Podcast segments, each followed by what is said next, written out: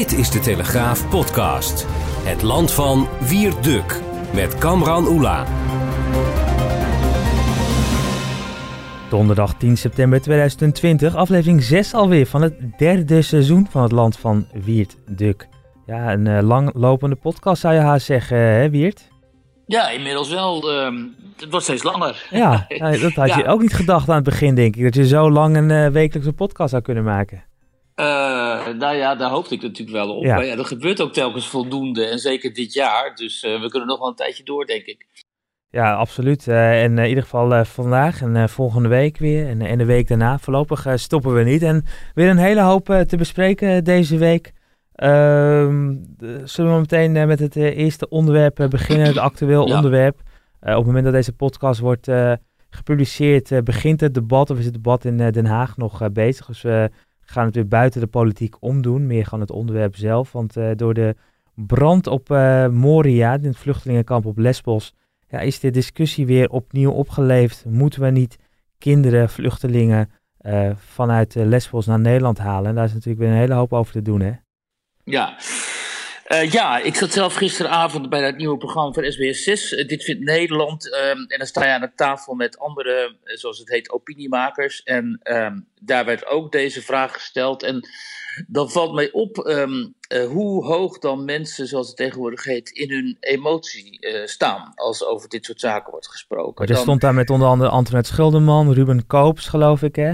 Ja, en Sabine uit, ja ook, ook journalist. Ja. Sabine Uitslag, het oud-Kamerlid van CDA. Uh, CDA. Um, en onmiddellijk vinden zij dan uh, en dat is de reflex van heel veel mensen in Nederland. Van ja, natuurlijk, hè, dit is een noodsituatie, dus we moeten die kinderen gewoon opnemen. Mm -hmm. um, daar kan ook helemaal geen sprake van zijn dat dat, dat, uh, dat, dat niet zou gebeuren. Uh, en ik vind niet per se dat dat moet gebeuren. Ik vind dat kinderen daar in die regio, die, kinderen daar in die regio moeten worden opgevangen. En dat we daar eventueel geld voor vrij moeten maken en zo. Maar dan, dan, dan word je echt nou ja, ik zeg niet dat de, dat de mensen daar in de studio dan jou van kwade trouw betichten, maar je bent dan toch een beetje een uh, rare eend in de bijt. Uh, in dit geval eens een keer letterlijk, hè, ja. gezien mijn naam. Maar um, ja. Schurft uitgebroken, dus corona uitgebroken. Okay, er zijn allemaal zelfmoorden. Saudi-Arabië deze als je als Nederland, nee, maar, ja, maar het gaat staat een enorm tentenkamp ja, daar nee, klaar bij, waarom, bij Mekka. Maar waarom dat Nederland niet? Even, één voor één. Even serieus. Waarom één Er zijn 167 gemeenten, horen we net, die zeggen wij hebben de capaciteit. Als je dat uitrekent, drie kinderen per gemeente. Ja, ik denk uh, in Saudi-Arabië heb je ontzettend veel ruimte, heel rijk land. Er staat een enorm tentenkamp daar voor de Hajj, uh, permanent klaar. 500 kinderen is geen probleem. Ja, waarom, 40 waarom graden in de Natuurlijk is dat geen optie. Kijk, Nee. het is natuurlijk een probleem. Terwijl uit de peiling, en dat verbazen wij helemaal niet, hè, er is dan ook elke dag een peiling onder Nederlanders. Uit de peiling bleek dat een meerderheid van de Nederlanders het ook niet wenst. Nee. Eh, niet wenst dat die kinderen Mhm. naar Nederland komen. En ook op goede gronden, want ehm, eh, ja, Nederland zit overvol, er is woningnood, heel veel jonge mensen die, die kunnen niet eens een huis vinden of een appartement. Hè. Uh, we stellen, heel veel gemeentes moeten uh, verplicht uh, sociale huurwoningen ter beschikking stellen aan statushouders, de, waardoor die sociale woningmarkt ook, ont, ook ontwricht raakt en zo. Maar toch wordt er automatisch weer een appel gedaan op een land als Nederland om dan in zo'n geval die kinderen op te nemen. En natuurlijk, het is e extreem tragisch hè, als dit minderjarige kinderen zijn.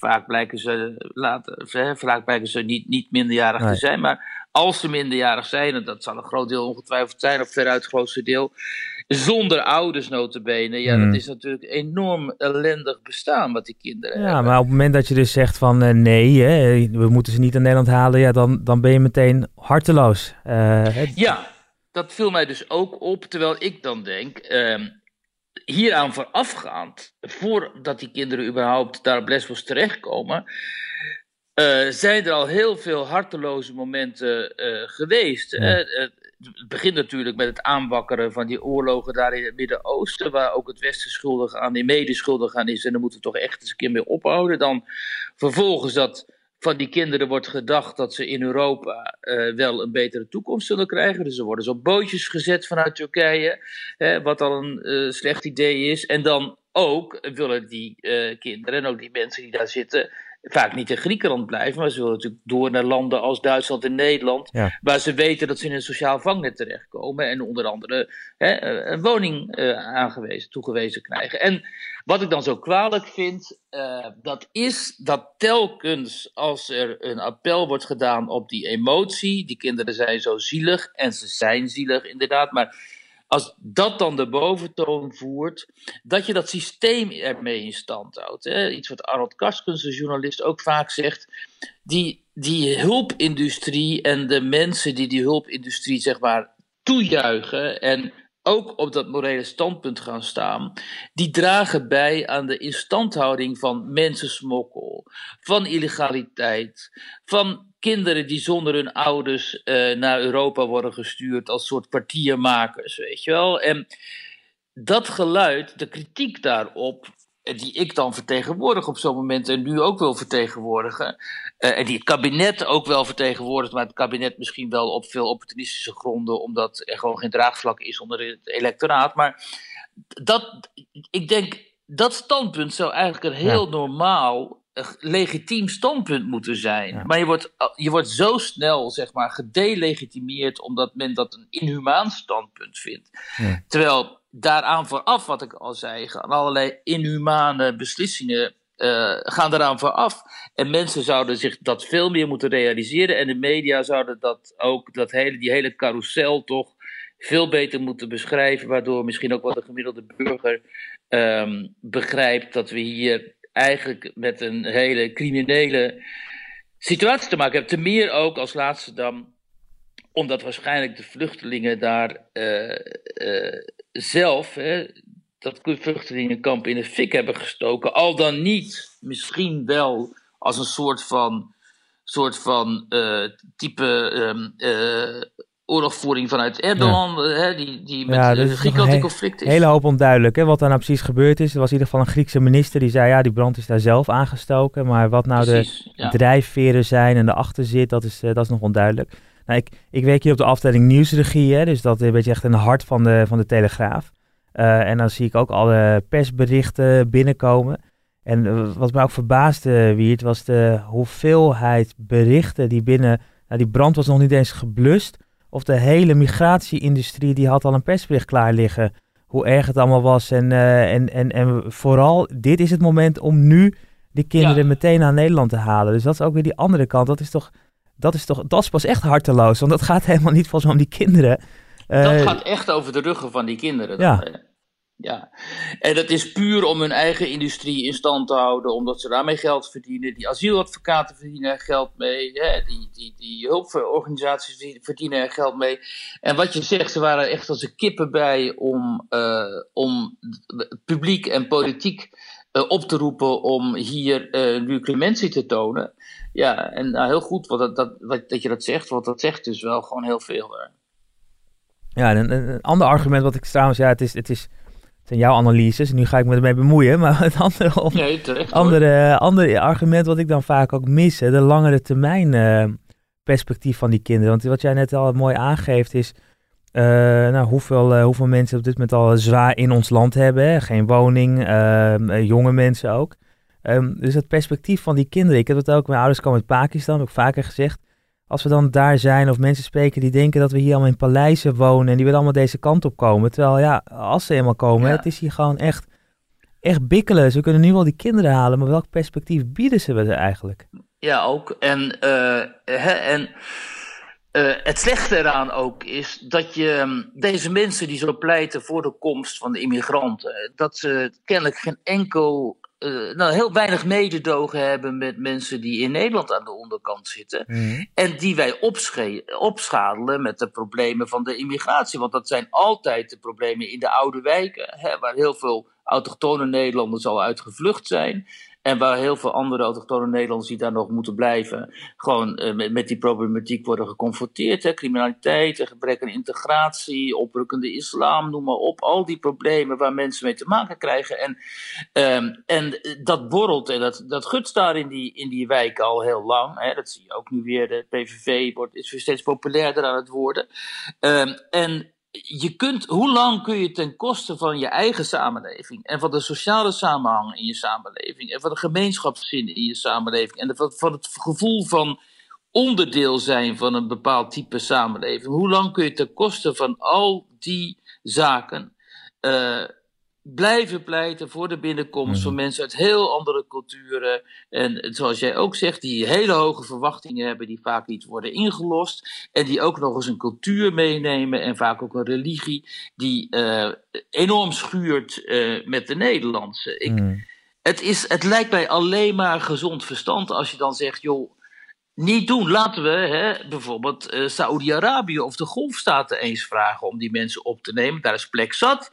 Het kan niet zo zijn dat Turkije en uh, Libanon opdraaien voor al die vluchtelingen. Die landen zijn overbevolkt geraakt. Nou ja, Turkije misschien niet, maar ze hebben wel miljoenen vluchtelingen op moeten nemen. Schrijnend in Libanon, inderdaad. En Libanon is natuurlijk verschrikkelijk wat, dat, wat daar die mensen, die burgers, uh, moeten op, op, ophoesten allemaal aan, aan uh, inschikken en medemenselijkheid. Dat kun je helemaal niet van zo'n staat verlangen. Van, dat, voor die bevolking. En, en, en, vervolgens zie je dan dat schatrijke Saoedi-Arabië, waar een enorm tentenkamp uh, klaar staat voor de Hajj.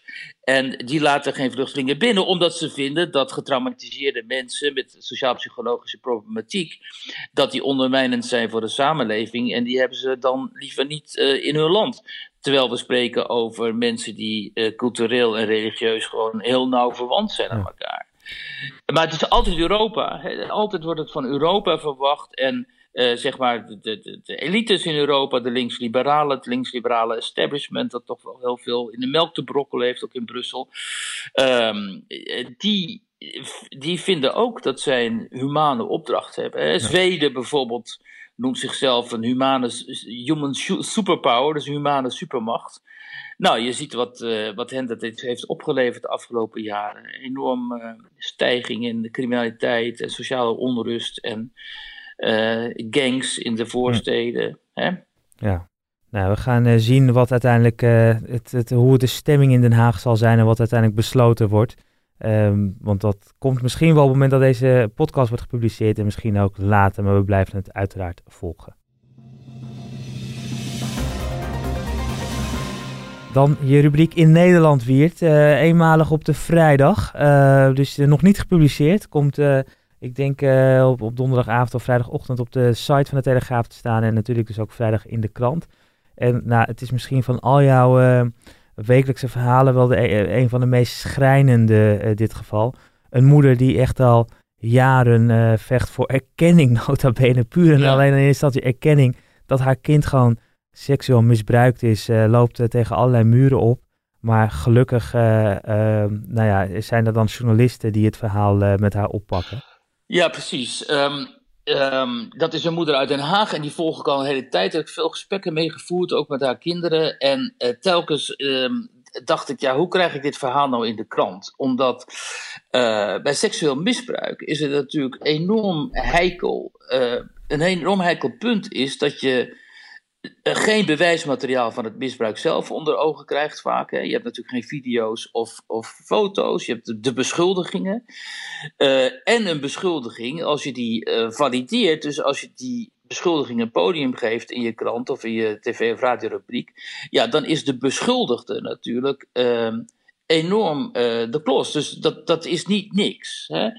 Ja, het gaat om het volgende. De, de, de dochter van deze mevrouw, uh, die is inmiddels 22, was destijds een jaar of 13, 14, die is echt uh, jarenlang stelselmatig te zijn misbruikt door onder andere haar vader en een aantal vrienden van die vader in op verschillende locaties, maar ook in een soort passage daar in de buurt van het huis in Scheveningen. En uh, uit al die verkrachtingen zou zij zwanger zijn geraakt, er zou een kind zijn geboren en die baby die zou zijn omgebracht. Zeggen, beweren dus uh, de dochter en de moeder. Nou, dit is natuurlijk een buitengewoon buitennissig verhaal en extreem, zelfs als, als, als het waar zou zijn, als, als het waar is, is het zelfs internationaal natuurlijk. Um, een schandaal. En mm omdat dit zo buitennissig is, uh, heeft het Openbaar Ministerie gezegd: van ja, daar gaan we niet in mee, we gaan dit niet vervolgen, we gaan niet eens onderzoeken, want het is gewoon niet geloofwaardig. Bovendien is er maar één bron. Nu hebben de collega's van Argos, die doken hierin. En die hadden onder andere documenten onder ogen gekregen, of ook gevraagd uh, van gynaecologen om eens te kijken, om die dochter uh, lichamelijk te onderzoeken. En nu blijkt dus dat de dochter wel degelijk zwanger is geweest en ook is bevallen. Dat blijkt uit gynaecologisch onderzoek. Bovendien werd op de huiscomputers van deze familie, waartoe ook de vader toegang had, kinderporno aangetroffen. Grote hoeveelheden kinderporno, diep verborgen. De politie had het eerst niet opgemerkt. En Hofmans bedrijfsrecherche, wat een heel gerenommeerd bedrijf is, die uh, heeft dat wel gevonden. Um, en nu is de vraag, uh, was hè, van uh, Argos en ook van mij natuurlijk, van waar is die baby? En Argos heeft daar een radio-uitzending over gemaakt. en het opmerkelijke nu, en dit is heel belangrijk vind ik, dat is dat op die uitzending enorm veel reacties kwamen van mensen met soortgelijke verhalen. En uh, Argus is, is ook die verhalen weer gaan uitpluizen. En wat blijkt, onafhankelijk van elkaar vertellen slachtoffers over locaties, over interieur van huizen, over daders. Met inclusief de namen. Uh, die ook voor een deel overlappen met die van dat meisje Lisa, uh, waar dus die rubriek van mij over gaat.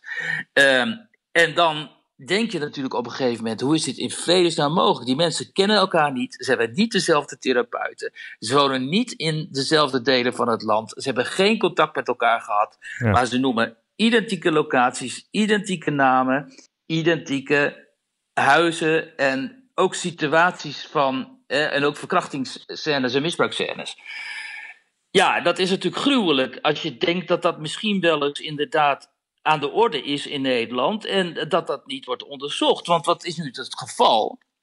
In Nederland komt maar niet een grootscheeps uh, onafhankelijk onderzoek hiernaar van de grond. Ook al denken de collega's van Argos dat ze met hun uitzendingen toch wel degelijk aanleiding hebben gegeven voor zo'n onderzoek. Helemaal omdat steeds vaker hè, je berichten leest, internationale, internationale berichten, over gruwelijk uh, kindermisbruik. Nu op dit moment bijvoorbeeld loopt in Duitsland, in Noord-Rijn-Westfalen, een heel groot onderzoek, want de Duitsers doen dat wel, naar een uh, internationaal pedocrimineel netwerk. En daarbinnen zijn maar liefst 30.000 uh, IP-adressen, geloof ik gaat het om, uh, verdacht. Dus mogelijk 30.000 mensen. En dan heb je het dus over mensen Bijvoorbeeld ouders die hun eigen kinderen misbruiken en die die kinderen via chatgroepen op internet doorverhandelen naar andere uh, misbruikers, zodat die hun kinderen kunnen misbruiken. Hè? En in het jongste geval gaat het dan om een baby van drie maanden. Hè? Ja, ongelooflijk toch? Ja, dat hou je toch niet voor mogelijk. En wat is er dan op tegen? Dat is eigenlijk de crux van het verhaal. Wat is er dan op tegen, zou je denken, als in het geval van dit meisje Lisa, wat heeft gezegd dat ze verkracht is en dat die aantoonbaar zwanger is geweest en is bevallen, om dan toch dat onderzoek te gaan doen en in ieder geval ofwel aan te tonen of uit te sluiten dat daar, uh, dat daar een groep mensen uh, zich schuldig heeft gemaakt aan uh, verkrachtingen. En wat wordt nu gesuggereerd, gesuggereerd wordt, dat er hooggeplaatste mensen bij zijn betrokken. Ja. Uh, ook am hoge ambtenaren, misschien ook mensen in het politieapparaat, die zo'n onderzoek, misschien wel de rechterlijke macht ook, die zo'n onderzoek dus uh, bewust frustreren. En het wordt Hè, dat spelen al jaren geruchten over dat dit, dat dit aan de orde zou zijn. altijd bij het onderwerp, hè? zodra het over dus, pedofilie gaat en kindermisbruik, dan komt vaak naar voren de, de, de complottheorieën die soms, uh, soms gewoon ook, dat waar ook gewoon feiten naar boven komen, dat je dat voorbeelden. ja. Dus dit, ja, eigenlijk al wat heel lang speelt, doemt nu weer op. Ja, onderzoeken die dan gefrustreerd worden, die op een gegeven moment worden afgekapt en zo.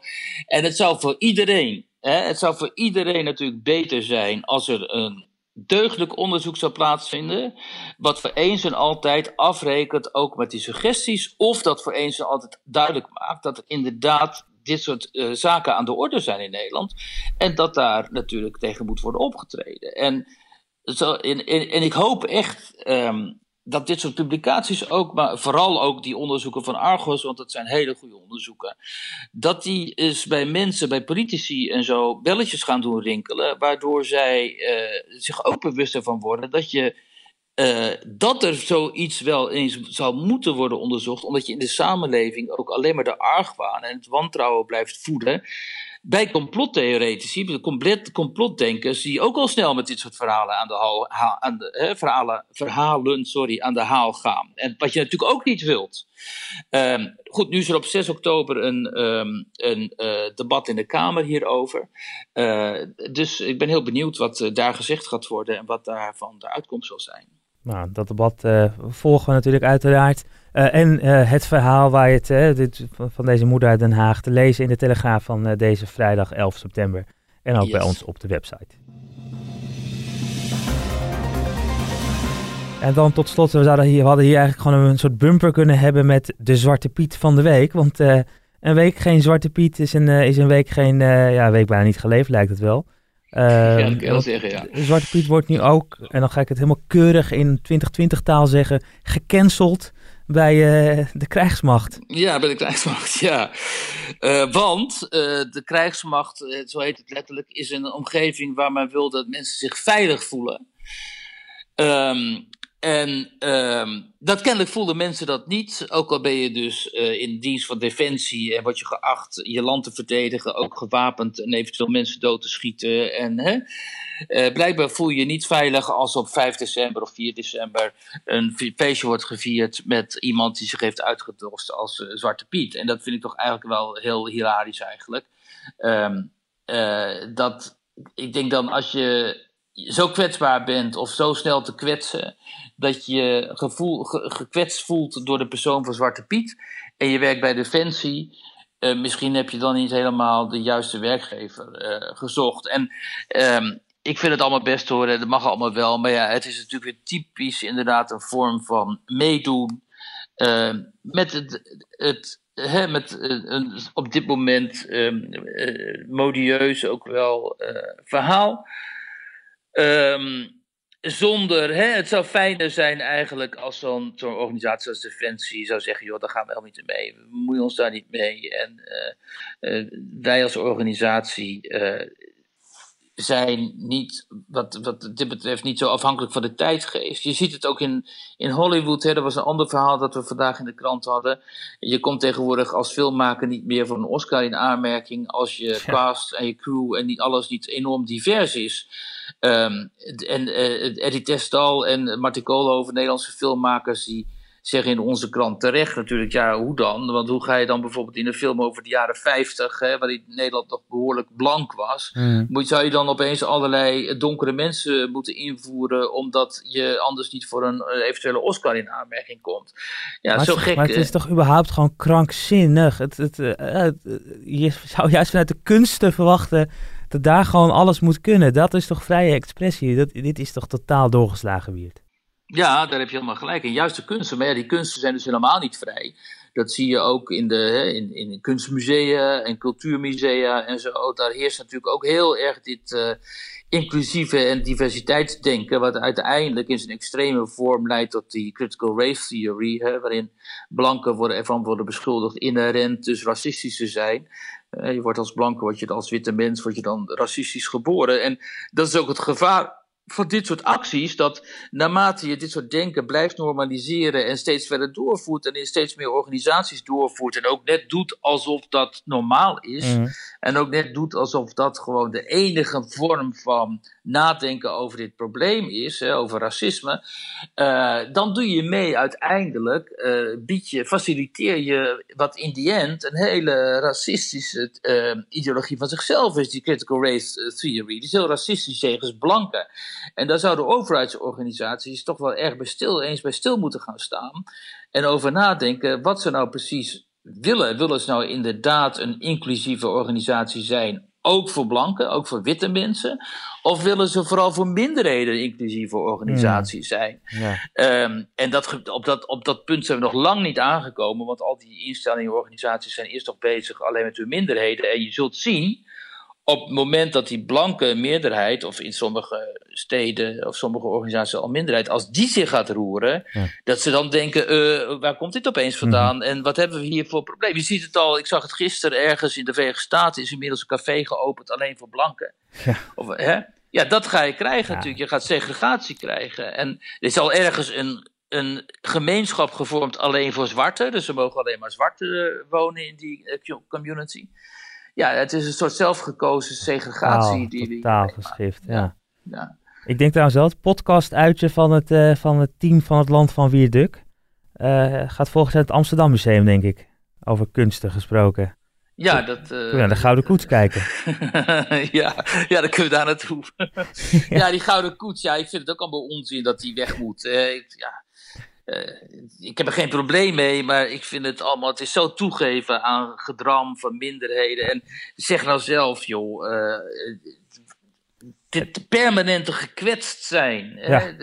Ik snap het nou ook nooit. Waarom, hoe leef je als je dus gewoon 24-7 jezelf gekwetst voelt, omdat kennelijk ooit in de ver verleden eh, voorouders van mijn voorouders of andere voorouders zich eh, schuldig hebben gemaakt aan slavernij en jouw voorouders waren misschien slaaf en, en die quasi die pijn die zou je dan nu nog steeds voelen en zo. Ja, ik geloof er allemaal niks van. En de geschiedenis dan daar maar mee willen wissen. Ik zou dan zeggen, Ja. onderstreep die geschiedenis. Zeg juist elk jaar, die Gouden Koets moet twee keer per jaar.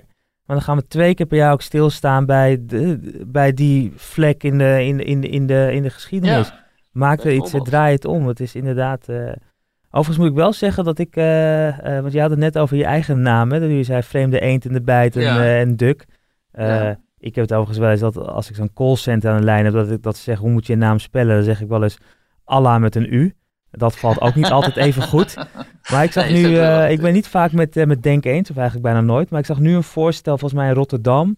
dat mensen die, eh, die toen zo'n naam hebben gekregen hè, in, de, in de slavernij... die bijvoorbeeld Braaf heten, omdat dan een van die voorouders heel braaf was als slaaf... dat die gratis hun naam zouden kunnen wijzigen. En toen dacht ik wel van, nou... dit- hier voel ik misschien wel iets, iets, ja, iets voor. ik ook wel. Ja, Toch? hoor, kijk, Ja. Dat, kijk, tuurlijk, maar dat zijn ook reële dingen. Precies. Eh, als je een totaal idiote naam hebt omdat zo'n slavendrijver jou die heeft gegeven. En je zit daarmee, ja, dat begrijp ik heel goed. Dan, eh, want dat betreft nog jou steeds, persoonlijk. Eh, dus ik vind het terecht als die mensen hun naam zouden kunnen veranderen in iets beters en mooiers. Ja. Ehm, maar dat, dat, dat is een heel ander niveau dan gezeur over de Gouden Precies. of hè, over Zwarte Piet, weet je wel. Maar daarom is het wel goed, denk ik, dat we het ook even benoemen. Dat het, eh, want anders is het weer van, oh ja, dit is ook weer, eh, nou, letterlijk zwart-wit. Maar hè, we staan weer tegenover eh, die lui. Nee, het, het, het- wat jij zegt, het moet reëel zijn en, en, en, en niet dat, ja, dat, dat geroep. Kijk, racisme is gewoon een probleem natuurlijk. Dat weet iedereen. En elke samenleving is racistisch. En hè, naarmate ook eh, de, het aantal minderheden groter wordt in de samenleving, krijg je gewoon met racisme te maken dat alle kanten op gaat. Hè? Blank tegen zwart, Marokkaans tegen eh, Turks omgekeerd en zo. Eh, zelfs binnen de Surinaamse gemeenschap, eh, wie, wie witter is, staat, is hoger in aanzien en zo. Ja. Dat zijn de gegevens waar je mee moet werken en waar je pro- moet proberen bewustzijn over te creëren en waar je tegenop moet treden. Maar de huidige tendens, de huidige die, die kritiek dat racisme alleen maar wit racisme jegens zwart zou behelzen, dat is een dat is, eh, ideologie. Ja. En een hele kwalijke ideologie. En die klopt ook niet. Die is niet gebaseerd op feiten. En daaraan toe te geven, zeg ik steeds, dat is kwalijk omdat je dan die ideologie ondersteunt. Maar dat betekent niet dat wij niet tegen racisme zouden zijn. Natuurlijk, daar is ieder weldenkend mens eh, tegen. Ja. En, hè, en ik denk dat wij, dat onze samenlevingen op het punt zijn aanbeland dat weliswaar sprake is van racisme, maar dat dat in vergelijking met heel veel andere samenlevingen eh, vrij gering is. En dat het al in ieder geval niet institutioneel is, zoals wordt beweerd. Kijk, is dat ook nog gewoon even benoemd in deze Juist. aflevering. Ik denk dat we er wel weer doorheen zijn. Nou, ruim een half uur eh, bezig weer. Eh, genoeg weer besproken. Eh, volgende week eh, weer een nieuwe aflevering, Wiert. Eh, we verklappen nog niks, maar wel een bijzondere aflevering. Want dan zijn zowel Robert als ik er niet. Dan ga je Nee. het zelf presenteren. Dus dat, dat, dat, dat, wordt een, dat wordt een heel bijzondere. Met een gast. Oh, met een gast. Nou, wie dat Ja, is, dat, dat gaan we pas bekendmaken in die volgende podcast. Precies. Dank Wiert, dank voor het luisteren. abonneert u zich als u dat nog niet gedaan heeft. En reviews, ja, die, dit waren al even reviews van maanden geleden. Die mogen wel weer vernieuwd worden. Dus eh, laat ook even een berichtje achter wat je ervan vindt.